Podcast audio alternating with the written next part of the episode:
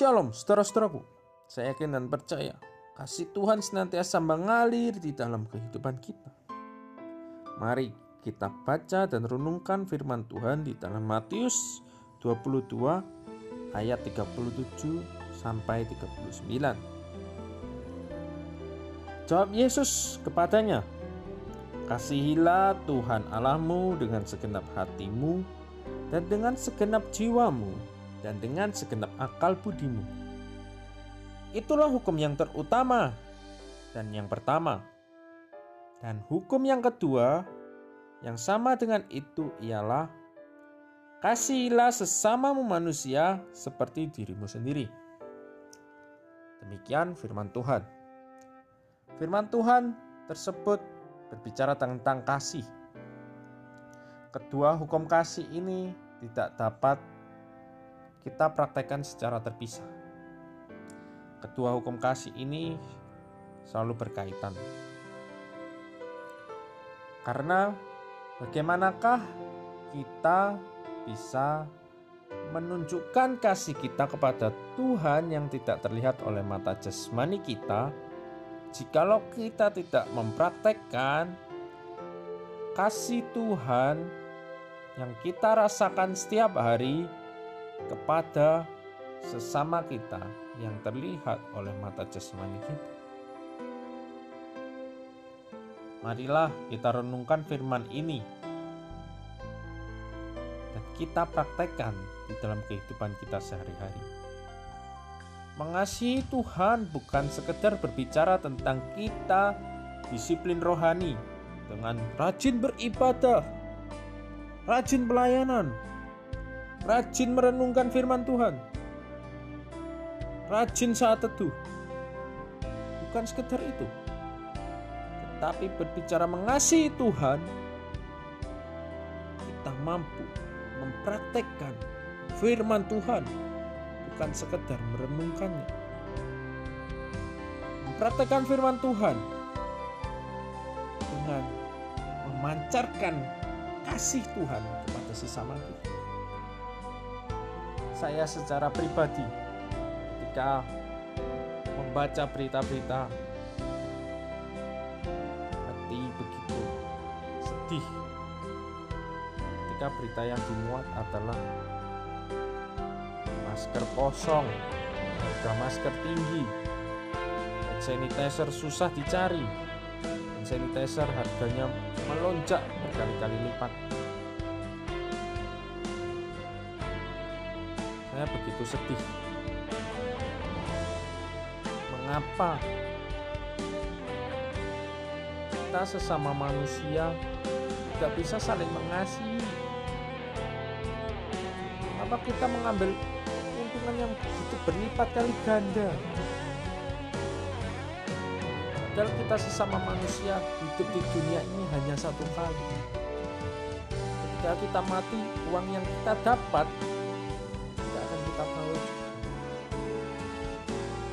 sangat sedih ketika membaca berita tersebut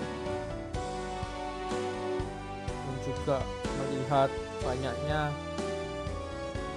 iklan-iklan yang membuat masker harga murah, sanitizer harga murah, tetapi harus mentransfer terlebih dahulu dan akhirnya terjadi penipuan.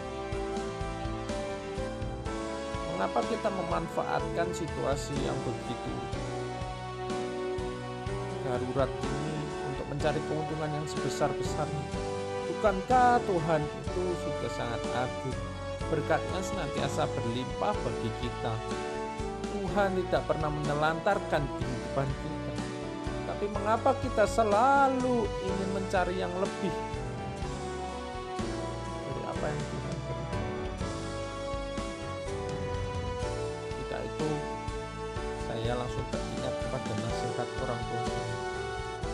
Sekalipun saya bukan seorang dokter, ketika kecil saya bercita-cita menjadi dokter, tetapi akhirnya saya menjadi apoteker.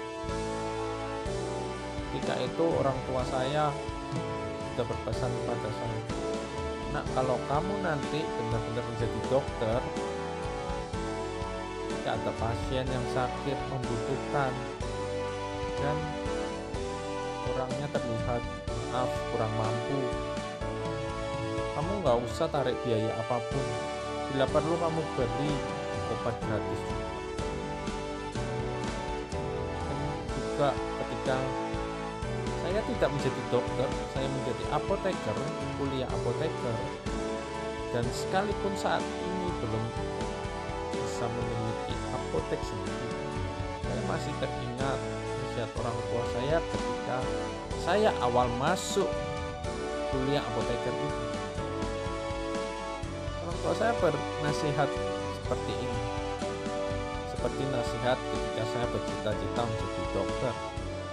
Yaitu nak ketika kamu nanti sudah lulus apoteker dan membuka apotek sendiri ketika ada orang maaf yang kurang mampu membeli obat nggak usah kamu tarik biaya apa pun. Berikan obat itu secara gratis saja nak. Kamu nggak akan kekurangan apa pun kok menolong orang yang membutuhkan itu. Berkat Tuhan sudah sangat besar. Udah berikan aja menolong orang itu perbuatan yang baik di mata Tuhan begitu nasihat itu tertancap di pikiran saya dan saya teringat pada saat membaca berita yang begitu sudah tidak masuk akal. Sedih hati ini. Mengapa begitu kita memanfaatkan situasi yang darurat untuk mencari keuntungan? Bukankah di firman Tuhan sudah berkata, kasihilah sesama manusia seperti dirimu sendiri. Mari kita praktekkan firman Tuhan itu. ketika saya diminta tolong pun untuk membelikan obat, saya tidak pernah mencari keuntungan karena nasihat orang tua itu masih tertanam di hati dan pikiran saya. Dan juga firman Tuhan, kasihilah sesama manusia seperti dirimu sendiri ini. Begitu tertanam di hati saya.